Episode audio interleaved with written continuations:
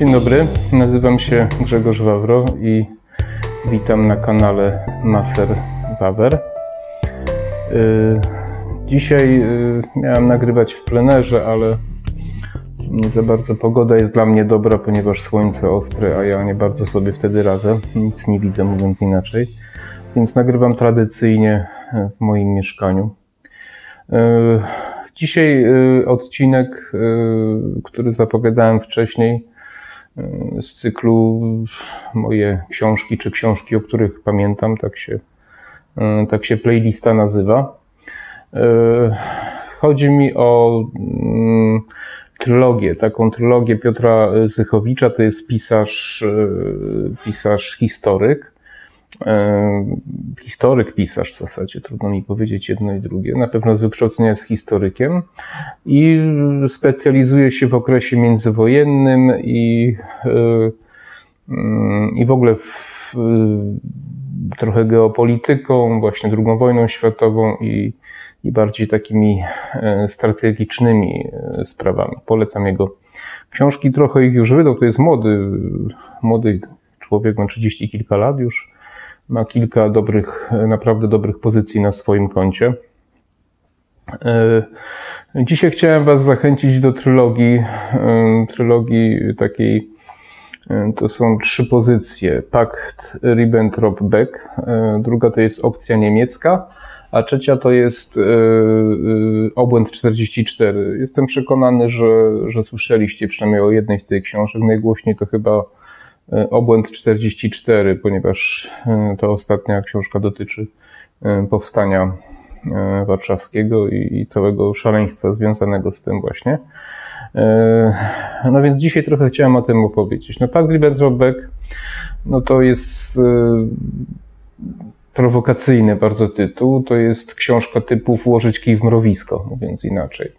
E, to znaczy Piotr Zychowicz w tej książce próbuje przekonać, że e, powołując się na wiele różnych badań, na wiele e, dokumentów i, i przy, przy, przedstawiając też wiele faktów historycznych, które w Polsce są z jakiegoś powodu nieprzedstawiane, czy są wręcz wymazywane z historii, próbuje przekonać, że naturalnym sojusznikiem Polski w 1939 roku byłaby trzecia Rzesza, prawda?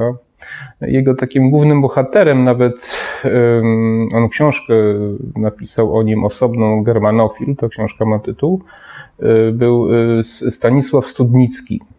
E, to jest człowiek, który już w latach 30. Y, mówił, czym się skończy y, dla Polski i po, nie pomylił się chyba w żadnej z ważnych takich swoich proroctw, w żadnym ze swoich proroctw. Mówił, czym się skończy konfrontacja zarówno z Niemcami, jak i z III Rzeszą, jak i ze Związkiem Radzieckim. E, on optował e, za tym, żebyśmy mm, weszli w sojusz e, z Hitlerem i po prostu uderzyli wspólnie na Związek Radziecki, który był naszym największym wrogiem. I jak się okazało po wojnie, Stanisław Studnicki miał, miał rację. Tutaj oczywiście nie chcę wam książki całej opowiadać, bo to by nie miało większego sensu, ale E, chciałbym Wam przedstawić kilka takich faktów, o których pewnie większość z Was nie wie, że w zasadzie do 1939 roku e, myśmy byli sojusznikiem Hitlera i III Rzeszy.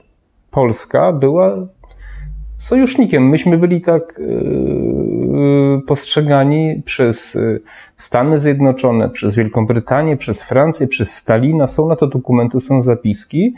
E, myśmy byli sojusznikiem, myśmy ściśle współpracowali z e, Adolfem Hitlerem.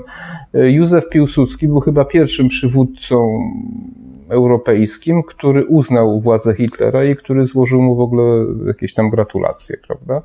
I Adolf Hitler miał bardzo duży sentyment do, do, do Józefa Piłsudskiego i, i Niemcy, Hermann Göring bywał w Polsce. Zresztą taki fakt też, którego może nie znacie, że Hermann Göring y, dostał order Orła Białego właśnie w latach 30. Y, i tego też Tego też pewnie nie dowiecie się z książek historycznych. Myśmy mieli bardzo dobre kontakty z III Rzeszą.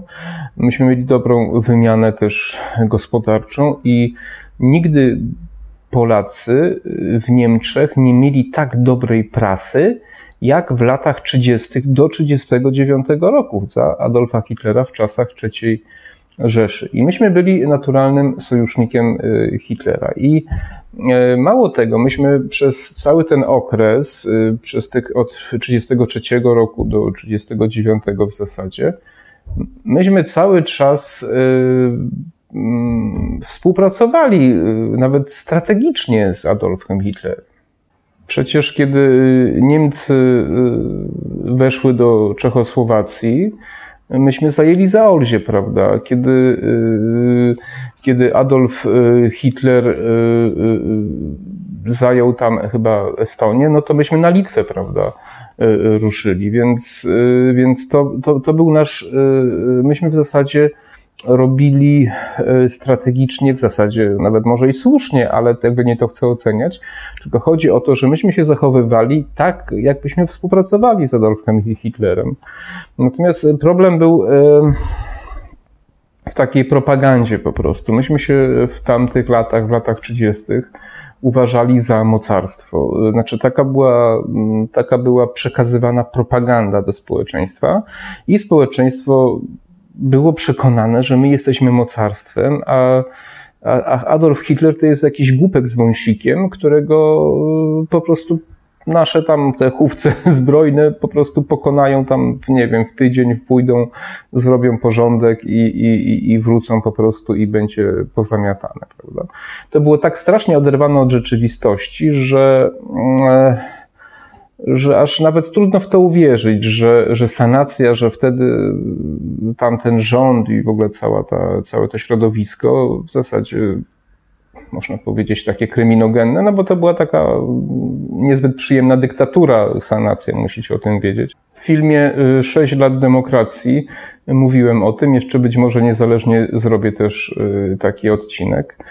Y, to była bardzo, bardzo niefajna, niefajna dyktatura. Mieliśmy obozy, Beruza Gortuska i tak dalej. I y, tamte czasy trochę przypominają w tym, y, w tym punkcie, w tym kontekście dzisiejsze czasy. U nas też przedstawia się taką trochę dziwną propagandę, kim my to nie jesteśmy. A tak naprawdę jesteśmy bardzo słabym, zwłaszcza militarnie, militarnie krajem.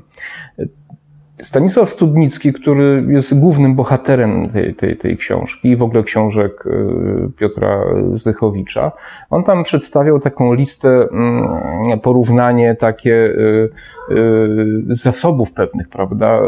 Czyli ile my produkujemy stali, ile my mamy samochodów, ile benzyny i tak dalej, i tak dalej. I, I ta różnica w porównaniu oczywiście z Niemcami, i ta różnica tak dramatycznie źle wyglądała, że to po prostu aż ciężko uwierzyć. E, kotku, nie przeszkadzaj mi, bo ja nagrywam film. Więc, e, więc e,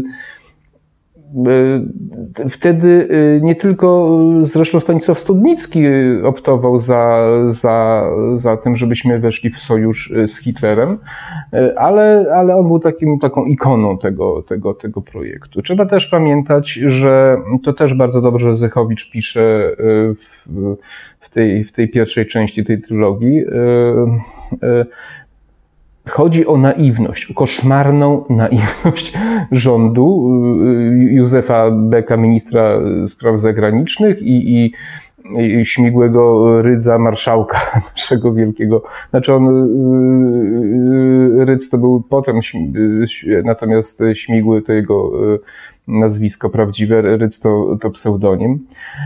Więc Chodzi o to, że y, Anglicy i Francuzi po prostu zrobili coś, y, oczywiście ze swojego punktu widzenia, bardzo korzystnego. To znaczy, udało im się skonfrontować Polskę z Niemcami. Było im to potrzebne, ponieważ potrzebowali czasu. Zwłaszcza Anglicy, którzy w zasadzie armią lądową nie dysponowali w 1938-1939 roku. Francuzi dysponowali, mieli drugą po Związku Radzieckim armię lądową na świecie, i, ale to jest też jeszcze za chwilę o tym powiem. Natomiast im zależało na czasie, więc byli gotowi obiecać Polakom wszystko. Wyobraźcie sobie, że E, to bardzo źle świadczy o naszym wywiadzie, o naszym takim zdrowym rozsądku, o takim pragmatyzmie. E, oni nam obiecywali, że do Polski przypłynie tam, nie wiem, połowa floty, tak. Ale nikt się nie zastanowił, jakim cudem ono tu przypłynie. Przez cieśniny duńskie? Obsadzone przez okręty niemieckie. Tam były takie obietnice, że przez Morze Czarne, przez Ukrainę do nas tu przyjdą jakieś tam tysiące żołnierzy z czołgami, ze wszystkimi nam pomogą i, i będzie wszystko fajnie. No podobno świadkowie tych, tych, tych rozmów mówią, że nasi generali, generałowie byli uchachani od ucha do ucha po prostu, byli tak szczęśliwi, słuchali tego po prostu i, i, i i, i byli roz, rozrzewnieni i, i szczęśliwi, mówiąc inaczej, prawda? Jakby nikt się nie zastanowił, jakim cudem. To było nierealne. Po pierwsze, Anglicy nie mieli takich możliwości. Po drugie, no strategicznie to było nie do zrobienia, prawda? Natomiast myśmy to kupili. Oni nawet y, nie byliby w stanie tutaj jakiegoś lotniczego wsparcia nam udzielić, bo wtedy samoloty nie, nie dysponowały takimi zasięgami jak, jak, jak dzisiaj, prawda? Bojowe, jakieś bombowce i tak dalej. Więc było to nierealne. Jedynym mm, państwem, które mogła, mogło coś zrobić, to była Francja, ale oni wybudowali sobie linię Marzinota. Nie po to się buduje taką fortyfikację, żeby żeby potem ruszać, prawda, i konfrontować się na, na normalnym, regularnym froncie, prawda. No i to, i to jak się to dzisiaj czyta, no to po prostu trudno w to uwierzyć.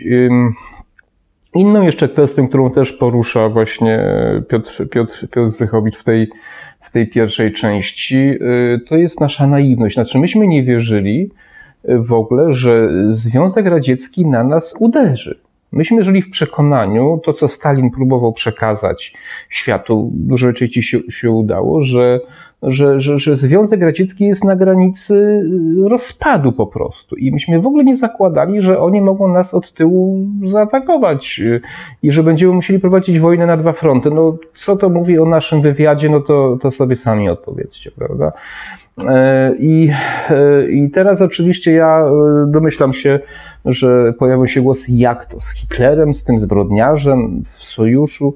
No w porządku, tylko że pamiętajcie o tym, że w latach 30. Hitler, Hitler jeszcze nie był zbrodniarzem.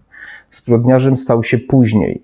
I, i, i my nie możemy z, w dzisiejszych, mając dzisiejszą wiedzę, oceniać decyzji w latach 30., właśnie w tamtym czasie, ludzi, którzy nie mogli wiedzieć, co Hitler zrobi. Poza tym jest jeszcze, to będzie ostatnia rzecz dotycząca tej, tej pierwszej części, że, yy, yy, że tak naprawdę yy, kraje, które weszły w sojusz z Adolfem Hitlerem, z III Rzeszą, a potem pod koniec wojny się wykręciły z tego sojuszu, wyszły na tym dużo lepiej. To znaczy, y, to byli jednak sojusznicy, a z sojusznikiem postępuje się znacznie y, lepiej niż z wrogiem, prawda? Po pierwsze, nie było Holokaustu na taką skalę, prawda? Węgrzy, Rumuni, Włosi, no we Francji to Francuzi trochę tak, ale, ale nie na taką skalę jak u nas, ponieważ to byli sojusznicy. Zdarzały się incydenty, oczywiście były, ale to była skala nieporównana. Poza tym no, nie było masowego tępienia, wyniszczania narodu. Hitler się po prostu na Polaków obraził. Obraził się i, i jakby to głupio nie zabrzmiało, ale tak było i, i postanowił nasz naród po prostu zniszczyć. On był zawiedziony tym, że myśmy nie poszli z nim na Związek Radziecki. Jemu to też popsuło bardzo, w bardzo znaczący sposób jego plany. Yy, no i to jest, yy, to jest tak pokrótce o tej pierwszej, o tej pierwszej części chciałem yy, powiedzieć. No, tam można by to rozwijać, zwłaszcza ten ostatni wątek, ale jakie myśmy przez to straty w ogóle ponieśli, prawda? Ludzkie, materiały, to, to jest niebywałe. Został złamany nasz kręgosłup taki naszego narodu. Do dzisiaj nie możemy się pozbierać, bo ilość elit wymordowanych e, jest no, straszna. Potem jeszcze Stalin e, zrobił resztę, no i, no i tak, to, tak to wyglądało. E, więc, e, więc to jest ta pierwsza część. Druga część e, trylogii mm, to jest opcja niemiecka. To jest taka, mi się z tych trzech książek ona najmniej jakoś tak, no może nie, że nie podoba, tylko najmniej wciągająca jest, ponieważ to jest taka książka, która mówi o pewnych Y, próbach nawiązania relacji z Niemcami już w czasie, w czasie trwania okupacji, wojny, prawda? Były takie, były takie, takie próby, zwłaszcza Studnicki, gdzie go tam w 1931 roku poszedł do Goebbelsa i tam rzucił papierami jego potem aresztowali, ponieważ y, on się oburzał, że Niemcy tak bardzo źle traktują nasz naród i że, i że tutaj takie, takie straszne restrykcje wprowadzili. No i kiedy Goebbels zobaczył te, te dokumenty, że, że co on tam przyniósł, że to jest bomba w ogóle zegarowa i, i zamknęli Sudnickiego, ale go tam w dość dobrych warunkach trzymali, prawda? Więc, y, no więc to, to jest taka historia. Natomiast y, chodzi o to, że wiele oddziałów polskich i to y, nie tak jak Brygada Świętokrzyska, o której też chcę zrobić odcinek, współpracowała z Niemcami czasem, ale tylko i wyłącznie, pamiętajcie, Brygada Świętokrzyska współpracowała z Niemcami w celu walki z bolszewikami, z komunistami po prostu. Nie? E, I tak samo, yy, zwłaszcza na Kresach Wschodnich, Armia Krajowa dość często miała kontakty z, z, z Niemcami, z armią niemiecką, na przykład w celu nabycia, zakupu czy uzyskania, czy nieraz dostawali po prostu tą broń do zwalczania partyzantki yy, radzieckiej po prostu. Nie? I, I, te kontakty były całkiem spore i, i, i tutaj właśnie ten, ten wątek tej Brygady Świętokrzyskiej jest ciekawy o tyle, że, że zarzuca się właśnie Brygadzie Świętokrzyskiej. To też jest ciężka tempa propaganda y, tych, zwłaszcza lewicowych, tych wszystkich socjalistycznych ugrupowań i tych, o których wiecie, co myślę y, ponieważ y, to wtedy nie był jakiś taki wyjątek, prawda? Były też próby tam, część arystokracji próbowała, polskiej arystokracji próbowała się jeszcze dogadywać, no z tego nic nie wyszło, ale tam mniej więcej druga część, druga część tej trylogii jest jest właśnie, jest właśnie o tym.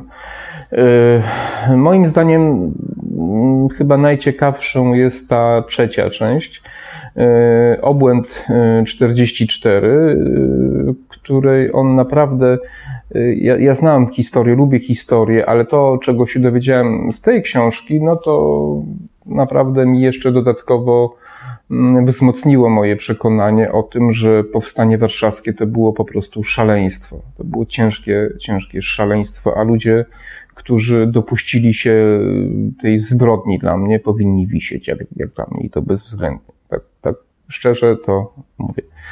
E, e, sama decyzja o wywołaniu czy wybuchu powstania była sama w sobie dość głupia. Tam po prostu chodziło o tą cenę krwi, niby to tak się mówi, że czym więcej ofiar, tym, tym będziemy mogli więcej aliantom rzucić y, na stół, co się okazało bzdurą kompletną, nic nie dającą. Mm, po drugie była już, był Podrzan, była Jałta i, i było wszystko pozamiatane, wszystko było ustawione i, i, i rząd w Londynie o tym wiedział, wiedzieli o tym dowódcy AK i, i, i robienie czegokolwiek było zupełnie bez sensu, prawda? Hitlerowi to e, było na rękę, e, Stalinowi to było na rękę, e, no bo tak naprawdę przez to Stalin wstrzymał ofensywę. Mało kto sobie sprawę zdaje. Niemcy mieli czas na przeorganizowanie swoich sił. Hitler po prostu czekał, aż Warszawa się dopali, nie? No, to taka to jest, taka to jest prawda. Przecież jak oni stanęli w sierpniu, dopiero w styczniu ruszyli, prawda? Cztery miesiące ponad stali tam. E, czy więcej nawet, tak, pięć miesięcy. Więc, e, więc to, to, to było szaleństwo. Natomiast e, ten cały Monter, jeden z tych przywódców powstania, który tam rzekomo gdzieś zobaczył, pojechał rowerem, zobaczył, on to dokładnie opisuje, zobaczył, że gdzieś tam czołgi na Pradze rosyjskie i on taką jakby jego, jego ta relacja była taką ostateczną decyzją o, o wybuchu powstania. Tam jeszcze były, jest tam taki wątek, że, że, że tam jest chyba taka historia, że z Londynu przyszedł rozkaz, żeby jednak tego nie wywoływać, ale ktoś to zataił, prawda, i, i jednak to powstanie wybuchło. To, to jak sobie przeczytacie, to tam, to tam to jest dość dobrze mm, opisane. Natomiast najbardziej dramatycznymi opisami były te bezsensowne walki y, młodych, nastoletnich, dwudziestoparoletnich ludzi praktycznie nieuzbrojonych na jakieś ciężko ufortyfikowane, jakiś most, jakiś tam, y, nie wiem, więzienie, jakiś, jakiś tam inny centrale czy coś, prawda? I to były, y, mm, też nie można w to uwierzyć, ponieważ Armia Krajowa wydawać mogło, była dobrze wyszkoloną armią. Natomiast tam tak głupie decyzje podejmowano i tyle niepotrzebnych ofiar to, to spowodowało, że po prostu ciężko, aż ciężko się to czyta, nie? Jak, jak to po prostu normalna rzeź była w niektórych miejscach. Potem to, no wiadomo, to się wszystko ograniczyło do, do, do, tam, do centrum, do, do Starego Miasta i tak dalej i, i to się tam gdzieś to, to, to tliło do, do końca, ale, ale ten, ten pierwsze dni, gdzie, gdzie oni próbowali przejąć y, kontrolę nad jakąś częścią właśnie y, stolicy, no to włos na głowie staje po prostu. Musicie sobie zdawać sprawę, że skala tego była nie, niebywała. Tam powstańców zginęło chyba ze 20 tysięcy, trudno powiedzieć. Natomiast w ogóle ludności cywilnej i powstańców około 200 tysięcy zginęło, prawda? Yy, straty materiałowe, straty straszliwe ludzkie, yy, po prostu 96% miasta zostało zrównane, zrównane z ziemią, prawda? Więc Piotr Zychowicz nie zostawia suchej nitki na tej, na tej decyzji o, o wybuchu tego, mm, tego powstania. Chodź tu kotku do mnie, co? Chodź tu chwilkę, co? Pokażesz się w kamerze?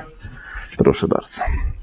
Więc, więc y, to jest taka najbardziej dramatyczna y, historia i najbardziej, najbardziej chyba najtrudniejsza z tych, y, z tych trzech części.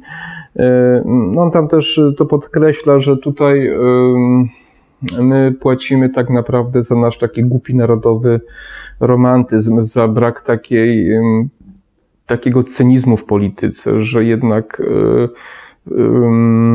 w takich decyzjach, w takich decyzjach trudnych należy się jednak kierować zdrowym rozsądkiem, a nie emocjami. No, tam są głosy, że, że to tyle lat okupacji, że to i tak by wybuchło, że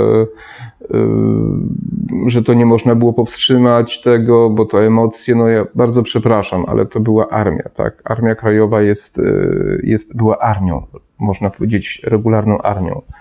Armia działa na rozkaz, po prostu, nie? Na rozkaz. I nie ma czegoś takiego, że armia sobie spontanicznie wywoła powstanie. To jest bzdura. Mm, to jest powtarzanie po prostu głupot, głupie tłumaczenie i, i, i, i Mm, próbę, próba mącenia po prostu ludziom w głowach. E, oczywiście wszyscy chyba to rozsądni ludzie powiedzą, że należy oddać szacunek bezwzględnie e, ofiarom tego, tego, tego powstania. Natomiast e, i żołnierzom, którzy naprawdę szczerze walczyli, oddawali życie i tak dalej. Natomiast ludzie, którzy podjęli tą decyzję, to są zwykli zbrodniarze, to są debile głąby po prostu. Inaczej, inaczej, inaczej nie powiem. Y, my dzisiaj mamy duże problemy, bo to, co się uratowało z wojny, tak. Y, mówię o tym świecie takim y, właśnie, o tej inteligencji polskiej, prawda, o tych ludziach, którzy z pokolenia na pokolenie dziedziczyli pewne tradycje, pewne wzorce jeżeli przetrwali okupację, to właśnie w powstaniu y, zostali w większości jeszcze dobici, a, a potem jeszcze komuniści jakieś y, niedobitki, prawda? I mamy teraz co mamy? Mamy tak naprawdę społeczeństwo chłopskie, nie mamy żadnych tradycji, rządzą nami ludzie, nawet jeśli mają tytuły, to, to w większości to są, to są ludzie, którzy mają pochodzenie niestety chłopskie. To ma swoje konsekwencje, niestety, bo, bo nie ma takich e, tradycji, nie ma przekazywania pewnych wartości, które są naprawdę ważne, prawda? I, i, i mamy taką jakość teraz e, naszych elit e, w dużym stopniu przez decyzję, w znaczącym stopniu, ale właśnie przez decyzję o wybuchu powstania Warszawskiego. E, tam jest jeszcze jeden ciekawy wątek przez Zychowicza poruszany, bo jeżeli my e, burzymy się i słusznie, że różne, różni ludzie różnych religii wysyłają dzieci w roli bomb samobójczych, to myśmy robili dokładnie to samo niestety. Trzeba sobie to uświadomić. Myśmy 12-13 latków z karabinami czy bez karabinu puszczali na barykady, tak. I, I ja nie słyszałem y, w oficjalnych nigdy jakichś źródłach, żeby ktoś to jednoznacznie potępił, tak. Myśmy dzieci wysyłali do walki z czołgami. To, to myśmy to robili. Robiliśmy to samo, co ci, których nie chcę wymieniać, żeby mnie nie zbanowali. Bo dzisiaj nie wolno tak już mówić. I i myśmy takich, te dzieci, te, ten pomnik, ja nie wiem, chyba w Warszawie ten pomnik chyba został zlikwidowany, dzieci takich tam niedaleko Starego Miasta, takich dzieci tam w Chełmie i tak dalej. To, ja to widziałem w latach 80. ten pomnik jeszcze, to jakiś, wtedy byłem młodym człowiekiem jeszcze, i, ale to jakoś tak dziwnie się czułem patrząc na ten pomnik. I, I myśmy takie dzieci puszczali, one ginęli. Ktoś tam tłumaczy, że no bo oni chcieli, co to znaczy dzieci chciały, tak? Po prostu dostajesz polecenie spadaj gnoju do mamy i tyle, tak? Co, co to w ogóle za, za argumenty, prawda?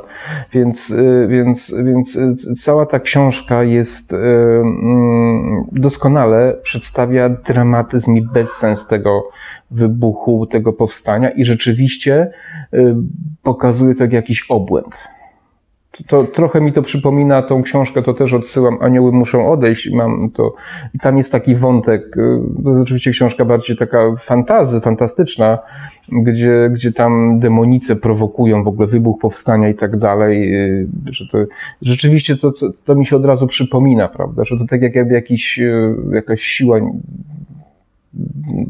nieczysta pomagała podejmować takie bezsensowne, głupie decyzje. Tak jakby y, ktoś uparł się po to, żeby, żeby po prostu zniszczyć tę taką tkankę, tą najbardziej wrażliwą y, i jednocześnie najbardziej wartościową naszego społeczeństwa, czyli inteligencję ludzi myślących, ludzi, którzy mogli przekazać pewne, pewne wartości i coś na tym może dałoby się teraz zbudować. A teraz jesteśmy, gdzie jesteśmy, no i tyle. Sami sobie odpowiedzcie, czy, czy, czy, czy nasze elity to są rzeczywiście elity, nie? To, to, to też jest dobry powód na, na odcinek czy artykuł właśnie, elity, o właśnie.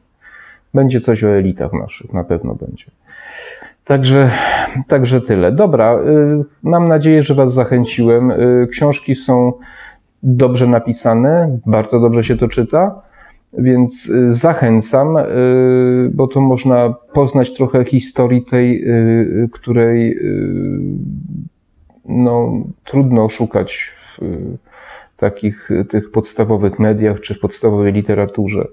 Można znaleźć te fakty, ale trzeba pogrzebać. A tutaj macie mm, w tych trzech książkach większość takich najważniejszych wątków związanych właśnie z tym, z tym mm, pomysłem w ogóle właśnie sojuszu z III Rzeszą i potem właśnie konsekwencje tego wraz właśnie z powstaniem. Dziękuję Wam za obejrzenie tego odcinka. Zapraszam na, na kolejne. Mam nadzieję, że, że, że Wam się podobało. Proszę o subskrypcję i o, o łapki w górę. Zapraszam też na mój blog y, maserwawer.pl. Tam staram się przynajmniej raz w tygodniu jakiś artykuł publikować. Jest już ich kilka, mm, dość dobre opinie. Ostatni y, Demokracja czy Okupacja, bardzo dobry, mm, bardzo dobry już taką oglądalność, czytalność raczej, jak, jak, jak na początek oczywiście. E, zapraszam też do mojego drugiego kanału, Masas Wawro. Przepraszam, to nie jest drugi kanał, to jest mój drugi blog związany z moją pracą. E, drugi kanał nazywa się Grzegorz Maser Wawro i związany jest stricte z moją pracą e, zawodową, ze zdrowiem, ze sportem, z profilaktyką i tym podobnymi rzeczami. Także dziękuję, życzę wszystkiego dobrego, zachęcam do czytania czegokolwiek, a zwłaszcza historii. Do widzenia.